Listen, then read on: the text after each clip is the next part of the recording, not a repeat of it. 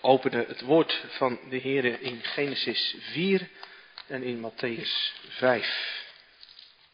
Genesis 4 en Matthäus 5. Je weet het wel, jongens en meisjes, Genesis 3 is het hoofdstuk van de zondeval. Adam en Eva zijn de Heere ongehoorzaam, ze eten van de verboden boom. En dan gebeuren er ineens zulke verdrietige dingen op de wereld. En dat ontdekken we ook in het hoofdstuk wat meteen na Genesis 3 komt. Genesis 4, daar klinkt het woord van de Heer en Adam had gemeenschap met Eva, zijn vrouw, en ze werd zwanger en baarde Kain en zei, ik heb een man van de Heere gekregen. En zij baarde opnieuw zijn broer Abel. Abel werd herder van kleinvee en Kain werd bewerker van de aardbodem. En het gebeurde na verloop van dagen dat Kain van de opbrengst van de aardbodem aan de Heer een offer bracht. Ook Abel bracht een offer van de eerstgeborene van zijn kleinvee en van hun vet. De Heer nu sloeg acht op Abel en op zijn offer, maar op Kain en op zijn offer sloeg hij geen acht. Toen ontstak Kain in grote woede en liet hij zijn hoofd zakken. En de Heere zei tegen Kain, waarom bent u in woede ontstoken? Waarom heeft u uw hoofd laten zakken? Is het niet zo dat u als u het goede doet uw hoofd kunt opheffen, maar als u niet het goede doet, ligt de zonde aan de deur. Naar u gaat zijn begeerte uit, maar u moet over hem heersen. En Kain sprak met zijn broer Abel en het gebeurde toen zij op het veld waren dat Kain zijn broer Abel aanviel en hem doodde. En de Heere zei tegen Kain, waar is Abel, uw broer? En hij zei, ik weet het niet, ben ik de hoeder van mijn broer? En hij zei, wat hebt u gedaan? Er is een stem van het bloed van uw broer dat van de aardbodem tot mij roept. Nu dan. U bent vervloekt, weg van de aardbodem, die zijn mond heeft opengedaan om het bloed van uw broer uit uw hand op te nemen. Als u de aardbodem bewerkt, zal u zijn volle opbrengst niet meer geven. U zult dolend en dwalend over de aarde gaan. En Kain zei tegen de Heer, mijn misdaad is te groot om vergeven te worden. Zie, u verdrijft mij heden van het aangezicht van de aardbodem en ik zal voor uw aangezicht verborgen zijn en dolend en dwalend over de aarde gaan. En het zal zo zijn dat al wie mij tegenkomt mij zal doden. Maar de Heerde zei tegen hem, daarom zal al wie Kain dood zevenvoudig gewroken worden. En de Heere merkte Kain met een teken, zodat niemand die hem tegenkwam hem zou doden. Toen ging Kain weg van het aangezicht van de Heere en hij woonde in het land Not ten oosten van Eden.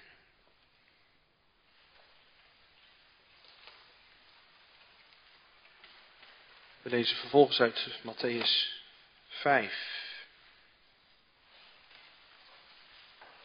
Matthäus 5, 20 tot 22 en dan vanaf vers 38. Matthäus 5, vers 20, daar zegt de heiland, want ik zeg u, als uw gerechtigheid niet overvloediger is dan die van de schriftgeleerden en de fariseeën, zult u het koninkrijk der hemelen beslist niet binnengaan. U hebt gehoord dat tegen de ouden gezegd is, u zult niet doden en wie dood zal door de rechtbank schuldig bevonden worden. Maar ik zeg u, al wie ten onrechte boos is op zijn broeder zal schuldig bevonden worden door de rechtbank. En al wie tegen zijn broeder zegt, raka, leeghoofd, zal schuldig bevonden worden door de raad. Maar al wie zegt dwaas, die zal schuldig bevonden worden tot het helse vuur. En dan vers 38, u hebt gehoord dat er gezegd is oog voor oog en tand voor tand. Ik zeg u echter dat u geen weerstand moet bieden aan de boze. Maar wie u op de rechterwang slaat, keer hem ook de andere toe. En als iemand u voor het gerecht wil dagen en uw onderkleding nemen, geef hem dan ook het bovenkleed. En wie u zal dwingen één mijl te gaan, ga er twee met hem. Geef aan hem die iets van u vraagt en keer u niet af van hem die van u lenen wil. Hebt gehoord dat er gezegd is, u moet uw naaste lief hebben en uw vijand moet u haten, maar ik zeg u, heb uw vijanden lief, zegen hen die u vervloeken. Doe goed aan hen die u haten en bid voor hen die u beledigen en u vervolgen zodat u kinderen zult zijn van uw Vader die in de hemelen is. Want Hij laat zijn zon opgaan over slechte en goede mensen. En laat het regenen over rechtvaardigen en onrechtvaardigen. Want als u hen lief hebt die u lief hebben, wat voor loon hebt u dan? Doen ook de tollenaars niet hetzelfde? En als u alleen uw broeders groet, wat doet u meer dan anderen? Doen ook de tollenaars niet zo? Weest u dan volmaakt, zoals uw Vader die in de hemelen is, volmaakt is. Tot zover het woord van de Heere voor deze middag. Lezen ook met elkaar uit de catechismus, zondag 40. Waar dit dus gaat over het zesde gebod, u zult niet doden. Zondag 40, vraag 105, wat eist God in het zesde gebod? Dat ik mijn naaste nog met gedachten, nog met woorden of met enig gebaar, veel minder met de daad, door mijzelf of door anderen onteer, haat, kwets of dood. Maar dat ik alle wraakgierigheid afleg, ook mijzelf niet kwets of moedwillig in enig gevaar begeef. Waarom ook de overheid het zwaard draagt om de doodslag te weren. Maar dit gebod schijnt alleen van het doodslaan te spreken. God, verbiedende de doodslag, leert ons dat hij de wortel van de doodslag als nijd, haat, toon en wraakgierigheid haat en dat alles voor een doodslag houdt. Maar is het genoeg dat wij onze naasten, zoals tevoren gezegd is, niet doden? Nee. Want God, verbiedende de nijd, haat en toon, gebiedt dat wij onze naasten lief hebben als onszelf. En jegens hem geduld, vrede, zachtmoedigheid, warmhartigheid en alle vriendelijkheid bewijzen. Zijn schade zoveel als ons mogelijk is afkeren. En ook onze vijanden goed doen. Tot zover de catechismus. Jongens en meisjes, u zult niet doden. Dat lijkt een lekker makkelijk gebod, toch? Of heb je wel eens een moord gepleegd? Dat is bijna te gek om te vragen, toch? Dan had het vast wel in de krant gestaan. Ja, in de krant. Eigenlijk moet je de krant lezen als je over mensen wilt lezen die het zesde gebod overtreden. En als je het nieuws nagaat, dan is het ook niet heel erg moeilijk om een paar dingen te noemen die te maken hebben met het zesde gebod. Afgelopen woensdag is minister Kaag bedreigd met een fakkel.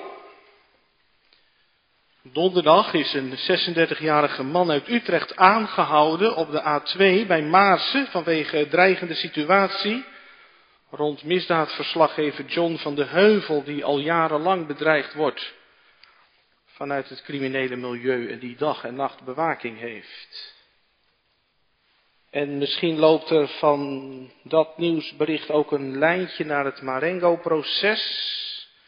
Dit jaar vindt de inhoudelijke behandeling plaats. 17 verdachten onder leiding van Ridouan T. en Said R. Die staan terecht voor verschillende moorden en pogingen tot moord. En uit hun strafdossier komt een beeld naar voren van een geoliede moordmachine.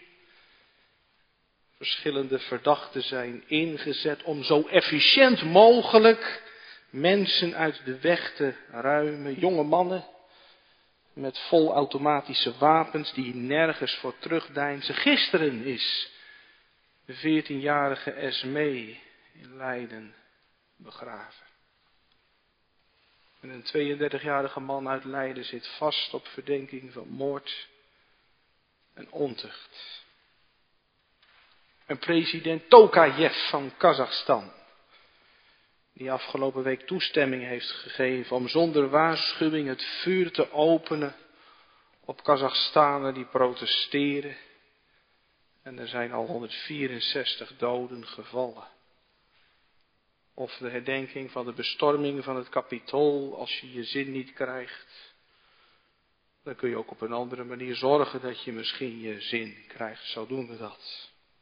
Nou ja, en die lijst die is oneindig uit te breiden. Bloedvergieten is aan de orde van de dag. Wraakacties, afrekeningen, terroristische aanslagen, familiedrama's. Iemand zei, de geschiedenis van de mensheid is geschreven in bloed. Maar jongens en meisjes, je kunt eh, het zesde gebod ook overtreden zonder dat dat de krant haalt. En dat gebeurt ook iedere dag. Ieder uur. En we gaan daarna luisteren wat de Heere van ons vraagt, wat de Heere van zichzelf ook laat zien in dit gebodthema voor de preek eerbied voor het leven. En dan letten we eerst op de letter van het verbod, niet doden. En dan letten we op de geest van het verbod, niet doden met je hart. En als derde letten we op het gebod. U zult uw naaste lief hebben als uzelf, want de liefde is de vervulling ook van het zesde gebod. Eerbied voor het leven, de letter van het verbod, de geest van het verbod en het gebod. U zult niet doden. Je kunt het woord wat het Hebreeuws gebruikt het best vertalen met u zult niet wederrechtelijk doden. Doden tegen het recht. Want er zijn ook situaties waarin wel gedood mag, moet worden, eh, doden uit noodweer. Dat is 1940. De Duitsers vallen Nederland aan. En die Duitsers die beginnen te schieten, wat moet je dan doen? Ja, dan schiet je terug, want het land moet verdedigd worden en dat noemen we dan noodweer, uit verdediging. Er zijn toen natuurlijk ook Duitse soldaten gedood door Nederlandse soldaten. Maar dat is niet wat verboden wordt in het zesde gebod. En je zou ook kunnen denken aan de doodstraf die ook in de Bijbel werd opgelegd. De godslasteraar moest gedood worden en de overspeler moest gestenigd worden. En als in onze dagen de overheid de doodstraf oplegt, dat kennen we natuurlijk niet meer in Nederland, maar er zijn landen waarin dat wel zo is. Dat moet natuurlijk na een zorgvuldig proces, want dat is onherroepelijk de doodstraf. Maar dan is dat niet een overtreding van het zesde gebod, want de Bijbel zegt dat de overheid het zwaard niet te vergeefs draagt. De overheid heeft de verantwoordelijkheid om het kwaad te straffen. Waar gaat het dan wel over in het zesde gebod? Doden tegen het recht. In de rechtspraak wordt onderscheid gemaakt in de Nederlandse wetgeving tussen moord doodslag en dood door schuld. Moord dat is uh, opzettelijk met voorbedachte raden. Stel dat ik ineens een pistool onder mijn toga vandaan haal, dan heb ik van tevoren blijkbaar een plan bedacht om, uh, nou ja, noem eens wat. Misschien is het niet eens een goed voorbeeld. Moord, opzettelijk, met voorbedachte raden. Doodslag, dat is uh, met opzet, maar zonder voorbedachte raden. Dat is, uh, we krijgen ruzie en het stijgt naar mijn hoofd en ik word zo ongelooflijk kwaad en ik grijp iemand naar de keel. Dat heet dan geen moord, maar dat heet doodslag. Een ruzie die zo hoog oploopt dat het verkeerd gaat.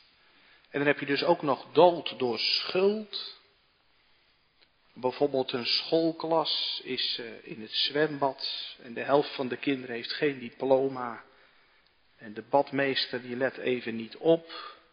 En dan is daar een jongen uit die klas die verdrinkt in het zwembad. Dan kom je voor de rechter en dan word je aangeklaagd voor dood door schuld. Want als je badmeester bent moet je opletten. Nou, de Bijbel kent natuurlijk die, uh, die moderne onderscheiding uit ons strafrecht niet. Maar die verschillende nuanceringen, die kom je ook wel tegen in de Bijbel. Agap, die pleegt moord. Die heeft een plan en Izebel denkt mee om Nabot uit de weg te ruimen, zodat die wijngaard van Nabot voor Agap is. Moord. Een doodslag. Simeon en Levi, die doden de mannen van Sichem in een uitbarsting van woede, omdat prins Sichem hun zus Dina heeft verkracht. En het gaat in de Bijbel ook over het verschijnsel dood door schuld.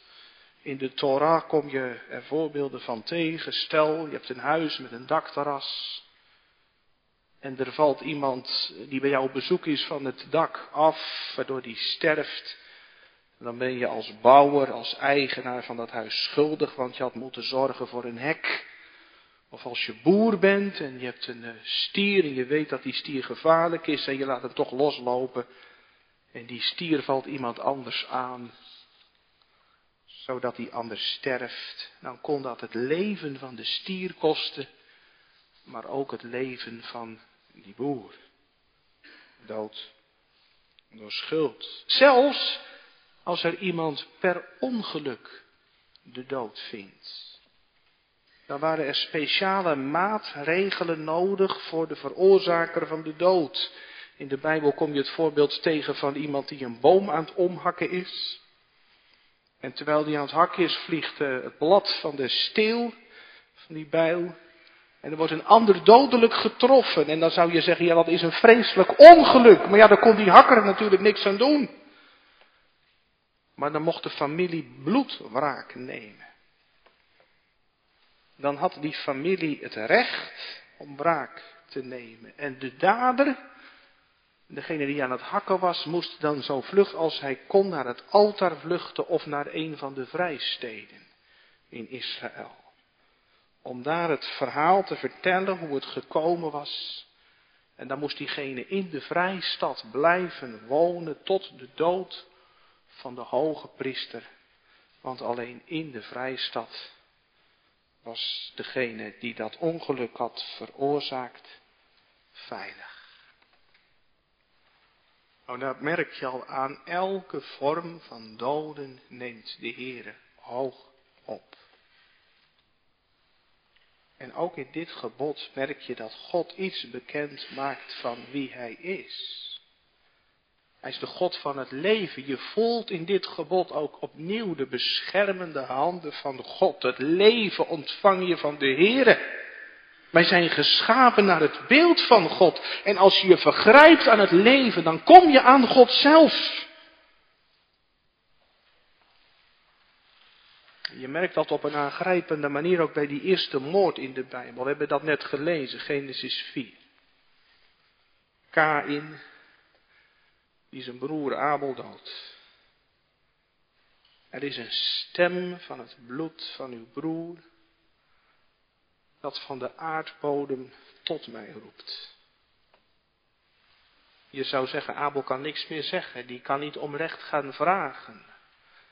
Maar God zegt dat bloed, dat onschuldig vergoten bloed, dat roept, dat schreeuwt naar de hemel. En dat roept de toren van de Heere wakker.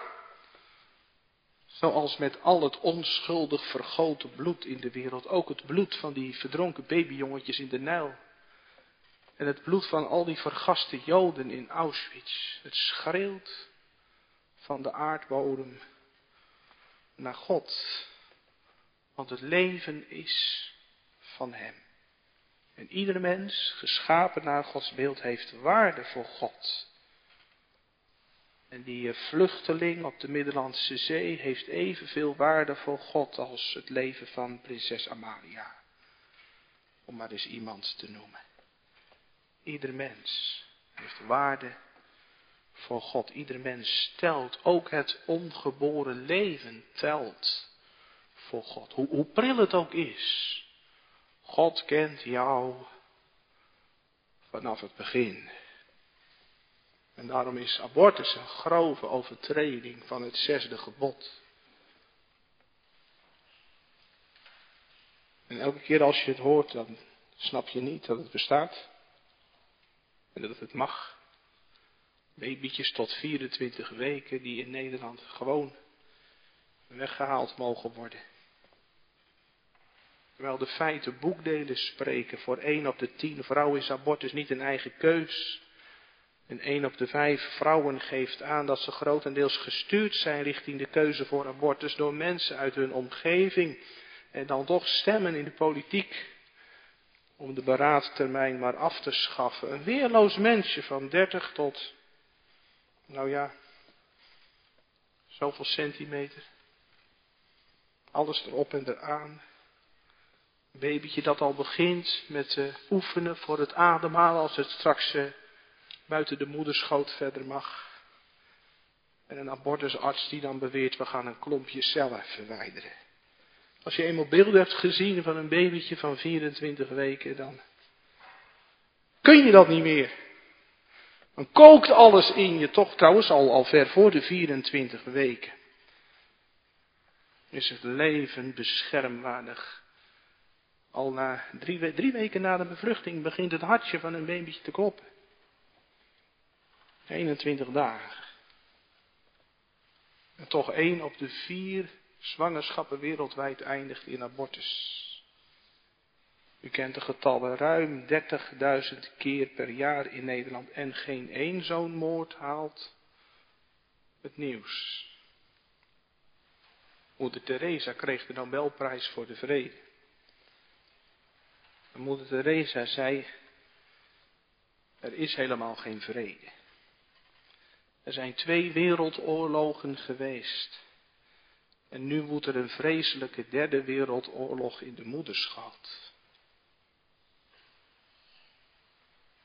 En de Olympisch kampioen 400 meter sprint van 2017, die vertelde dat ze twee weken voordat ze haar gouden plak won, een abortus heeft laten plegen. En ze zei erbij, ik ken geen enkele atlete die nooit een abortus heeft laten plegen. Leven voor een gouden plak. Zou de Heer dat ongestraft laten? Er is een stem van het bloed dat tot mij roept van de aardbodem. Het jonge ongeboren leven telt voor God ook het oude, het afgetakelde leven.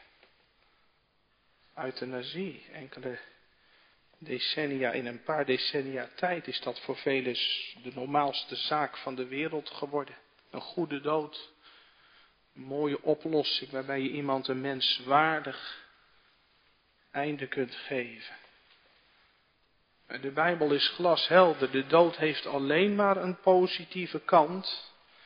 Als je weet, ik ben met lichaam en ziel in leven en sterven het eigendom van mijn trouwe zaligmaker die mij kocht met zijn kostbaar bloed. Dan is de dood de poort naar het leven. Ben je verlost uit het lijden. Maar als je niet van Jezus bent, dan rol je door de poort van de dood naar de hel. Afgrijzelijk. Niks goede dood. En natuurlijk, natuurlijk zijn dat opnieuw allemaal tere vragen. Je, moeder zou maar doodziek liggen te lijden en pijn hebben. Dan gaan al die vragen over het levenseinde niet in je koude kleren zitten, natuurlijk niet. En toch een christenbeleid. Ik ben niet van mijzelf. Mijn leven is niet van mijzelf, maar het eigendom van mijn trouwe zaligmaker. Mijn tijden zijn in uw hand, Vader, wat u doet, is goed. U zult niet doden, want God is de God van het leven. Nou, dan zijn er heel wat uh, uiterlijke daden van doden en moorden al voorbij gekomen. Maar de catechismus gaat uh, verder op grond van de Bijbel natuurlijk. Want stel nou dat in Nederland geen enkele abortus gepleegd zou worden, geen enkel geval van euthanasie, geen enkele moord, zouden we dan kunnen zeggen, ja, dat zesde gebod, dat lukt in Nederland. De aardse rechter die uh, veroordeelt strafbare feiten. Maar bij de hemelse rechter ligt dat anders. Die ziet ook die dingen die niet aan de oppervlakte komen. We hebben Matthäus 5 gelezen. U hebt gehoord dat tegen de ouden gezegd is, u zult niet doden. De Jezus zegt, zo is het tegen onze vaderen gezegd in de Torah. Maar ik zeg u, wie ten onrechte boos is op zijn broer, staat schuldig voor God. En als je broer of je zus een scheldwoord naar zijn hoofd slingert, en dan heeft de Heer Jezus het over het helse vuur.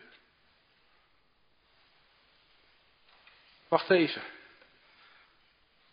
En dan gaat het zesde gebod misschien toch wel ook heel erg over ons.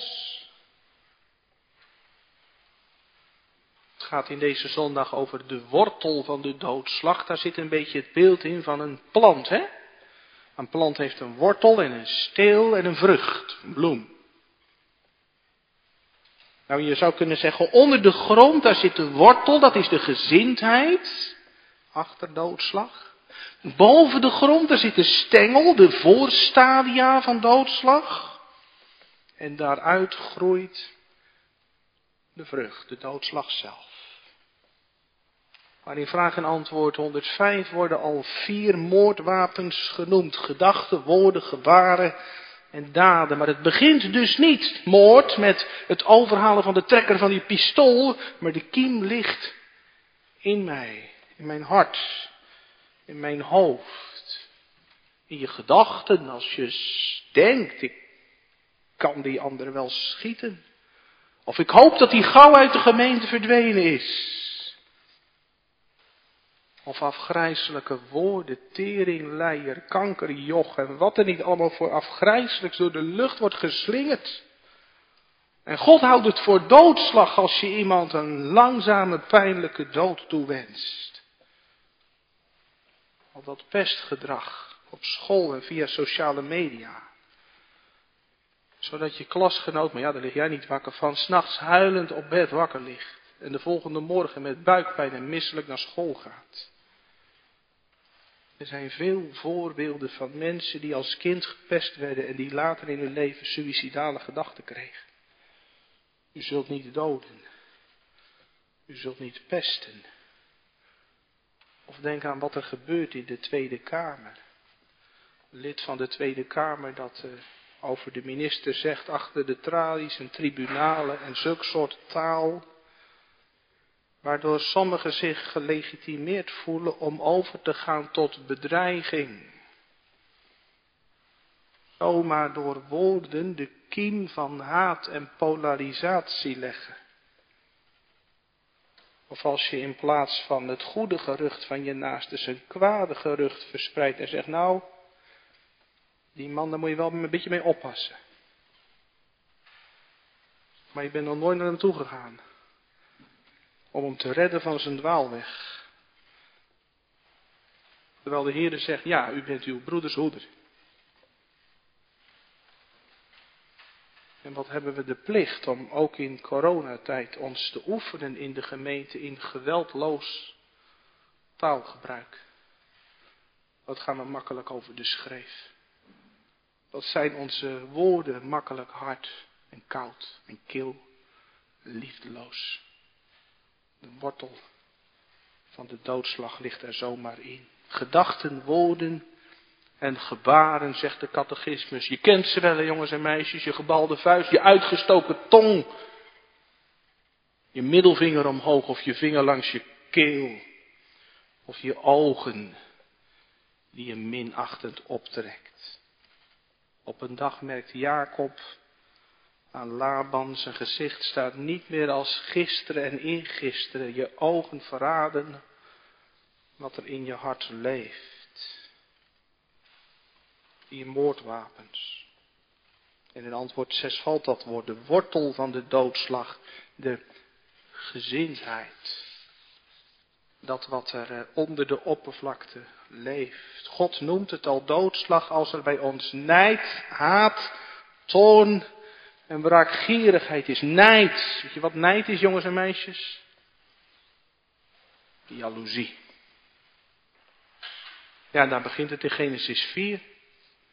Kain is stik jaloers op Abel, want God neemt het offer van Abel wel aan en zijn offer niet. Hij heeft wel wat ik niet heb. En de broers van Jozef die zijn jaloers op zijn jas en op zijn dromen. En ze kunnen hem niet met vrede toespreken. Wat gezin. Dat het gewoon niet lukt om een vriendelijk woord tegen elkaar te zeggen. Wat doen we de Heer daar verdriet mee? Als je altijd met elkaar zit te sarren en dwars moet zitten. Vreselijk als je zo met elkaar omgaat in het gezin. De kiem van de doodslag is dat. En dan komt Jozef daar in de vette aanlopen en de broers die hebben hun scheldwoord al klaar. Meeste dromen. En wat een goed plan. Ze willen hem verkopen. Dan zijn ze van hem af, voorgoed. En God heeft het verhoed, maar het begint dus met jaloezie. Zoals de Heer Jezus ook uit jaloezie is overgeleverd. De fariseeën en schriftgeleerden zijn jaloers op de aandacht die Jezus krijgt. Jaloersheid, dat is de wortel van de doodslag. Dat je jaloers bent dat die ander beter kan voetballen dan jij en dan een tackle. Niet op de bal, maar op de man. Of jaloers omdat je collega meer verdient dan jij en je begint elkaar kapot te concurreren. Nijd en haat. Dat je de ander niet duldt. En de schrift zegt, ieder die zijn broeder haat is een moordenaar. En u weet dat geen moordenaar het eeuwige leven blijvend in zich heeft. En toorn Toorn, dat is een woedeuitbarsting. Eruit gooien wat zit te gisten in je hart. En daarom zegt de Bijbel, laat de zon niet ondergaan over uw toorn. Een christen is iemand die niet boos gaat slapen. Een wraakgierigheid. Gieren, dat is sparen, wraak, opsparen. Dat je zegt, ik onthoud het. Mijn tijd komt nog. Pak je terug. Ik vergeef het je nooit. En je hoopt op bijltjesdag dat je die andere kunt gaan terugpakken. En de Bijbel zegt, wreek uzelf niet, geliefden. Mij komt de wraak toe, zegt de Heer, ik zal het vergelden. Dat betekent natuurlijk niet dat je alles met de mantel van de liefde moet bedekken. En dat je niet meer eerlijk hoeft te zijn of zo als er onrecht gebeurt onbeleden zonden, die kun je niet vergeven, maar de Heer roept ons wel om vergevingsgezind te zijn. Als een meisje dat zei, als mijn vader schuld komt beleiden, ik zou hem zo graag willen vergeven. Maar dat gebeurt niet altijd. En dan niet wraakgierig zijn, maar het overgeven aan de Heere in je gebed. Heere, u bent rechter. Mij is onrecht aangedaan. Ik heb geprobeerd om mijn recht te halen. Ik krijg het niet. En nu breng ik het bij u. Want in uw hand is het recht veilig. En de dag komt dat u alle dingen recht zet. En zo ook met de wraak omgaan. Want als nijd en haat en toorn en wraak in je hart leven en je geeft het een plek in een onbewaakt ogenblik, komt het er helemaal uit. En gelukkig komt niet altijd alles naar buiten, maar wie zijn hart leert kennen in het licht van de schrift, door het werk van de Heilige Geest, die zegt, ik ben van dezelfde lap gescheurd als die seriemoordenaar die levenslang krijgt. Waar of niet? De kiem van de doodslag. Hier. Ook bij kinderen van God. Die eerste moord van Kain. Wanneer vindt die plaats? Ja, net na de kerkdienst. We hebben net een offer gebracht aan de Heer. En Mozes die slaat die Egyptenaar dood. En David, de man naar Gods hart, nee, hij komt niet aan Saul, aan de gezalfde des Heren. Maar op een ander moment geeft hij opdracht, omdat Uria dood moet. De man naar Gods hart die niet te goed is om een moord te plegen. En daarom dicht hij Psalm 51, herschep mijn hart, reinig u, o Heere, die vuile bron van al mijn wanbedrijven. Gaat de Heer niet om de daad alleen, maar om wat er in je hart leeft. De letter van het verbod, de geest van het verbod niet doden met je hart. De Heer Jezus komt de lat vanmiddag nog hoger leggen. Vraag 107. Het verbod heeft een positieve keerzijde. God verbiedt nijd, haat, toorn. Maar gebiedt dat wij onze naaste lief hebben. Want de liefde is de vervulling van de wet. Ik ben niet alleen maar geroepen om mijn naaste het ergste te besparen, maar ook om hem het beste te geven. Want uh, christen zijn betekent dat je een klein Christusje wordt. Dat je gaat in het spoor van de herder die zijn leven geeft voor de schapen. Dat ik mijn naaste geduld, vrede, zachtmoedigheid, barmhartigheid en alle vriendelijkheid bewijs. Mijn naaste. Ja, dat is uh, degene die uh, nu naast je zit. Maar ook iedereen die naast jou komt te staan, te zitten, te lopen in je leven. Als je in de rij staat voor de kassa of weet ik waar u komt. Niet alleen ons soort mensen. Dat is niks bijzonders. De heer Jezus zegt, dat doen de tollenaars ook. Die groeten elkaar. Dikke maatjes van elkaar. Iemand noemde dat apenliefde. Ik krap jouw rug en jij krapt mijn rug. Maar de Bijbel vraagt niet van ons apenliefde, maar agape liefde. Goddelijke liefde. Liefde die zichzelf ervoor over heeft. De Heere heeft uit liefde zijn zoon gegeven, niet voor vriendelijke mensen, die dankjewel zeggen, maar tegen vijanden van de genade. En van daaruit de roep, heb uw vijanden lief. Zegen hen die u vervloeken. Doe wel aan degene die u haten. Bid voor degene die u geweld aandoen en u vervolgen. Heer Jezus noemt in de bergreden dat voorbeeld van de tweede mijl gaan. Hè? Romeins soldaat in de dagen van de Heer Jezus, de bezetter, die kon van een Jood eisen, hier komen, jij moet voor mij één mijl mijn bepakking dragen. En dan zegt de Heer Jezus, weet je wat je daar moet doen? Draag die bepakking twee mijl voor die soldaat. In de hete zon, volle bepakking was de liefde die de Heere van ons vraagt. En dat roept vragen op. Waarom doe je dat? Ik wens te zijn als Jezus. En misschien zegt u dan wel ja, maar dat kan ik niet. Dat zit er bij mij niet in. Dat klopt. Bij mij ook niet.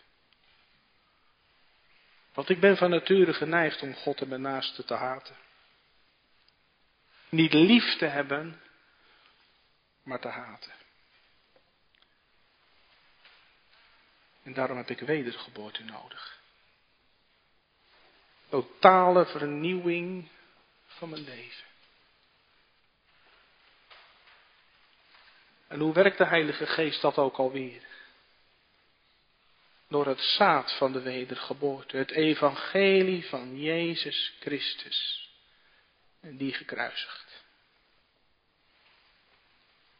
Zo wil de geest de liefde van Christus in uw hart uitstorten door u mee te nemen, één keer en telkens weer naar het kruis van Golgotha.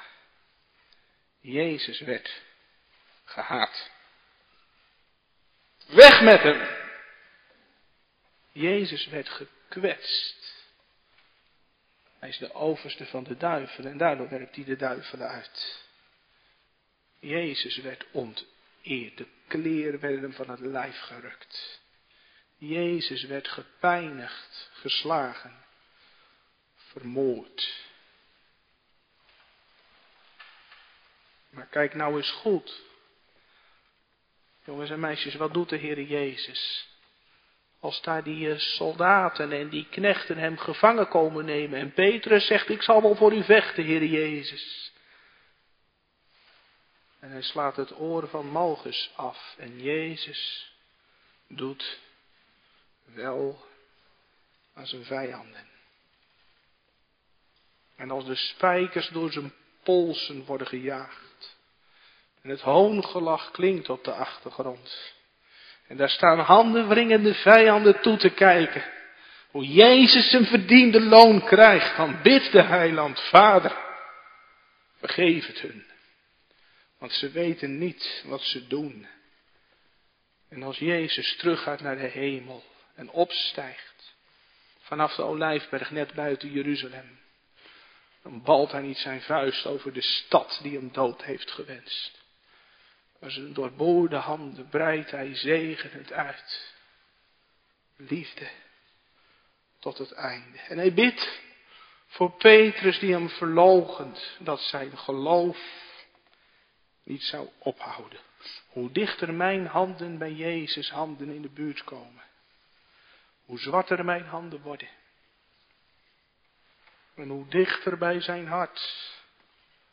Hoe dieper ik mij schaam hoe meer de pijn ik voel dat ik zo'n mega egoïst ben. Die altijd maar gaat voor zijn eigen gelijk en zijn eigen geluk. En die daarom in de kiem over lijken gaat. Dit zesde gebod zet ons zwaar schuldig tegenover God. En dan is het een wonder dat de Heer ons vanmiddag niet wegkijkt maar ons het evangelie laat horen. En dat we ook nu worden meegenomen naar Golgotha, waar Jezus hangt tussen twee moordenaars. Twee overtreders van het zesde gebod. Als een zichtbare preek. Maar nee, daar is vergeving. Voor criminelen met bloed aan hun vingers. Voor abortusplegers en euthanasieartsen. Voor Tweede Kamerleden met gewelddadig taalgebruik. Voor kinderen die iedere dag hun broertje of hun zusje dwars zitten en uitschelden.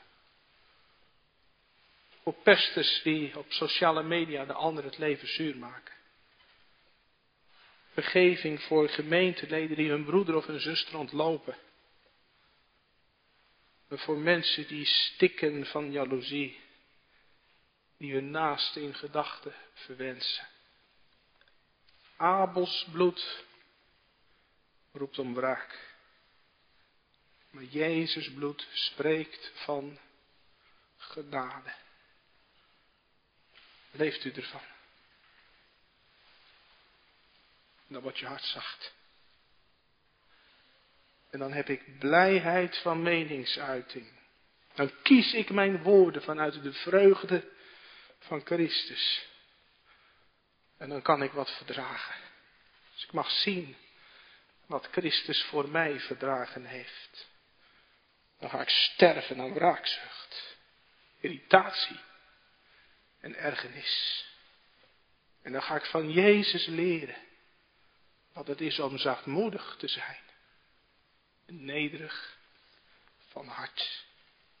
Dan gaat de vrucht van de geest in mijn leven rijpen. Liefde, blijdschap, vrede, geduld, gemeente. Breng uw schuld bij de heiland. En geloof het evangelie. Tot vrede van uw ziel. Want de straf die ons de vrede aanbrengt was op hem. Wij hebben hem lief. En wij hebben onze naaste lief. Omdat hij ons eerst heeft lief gehad. Amen.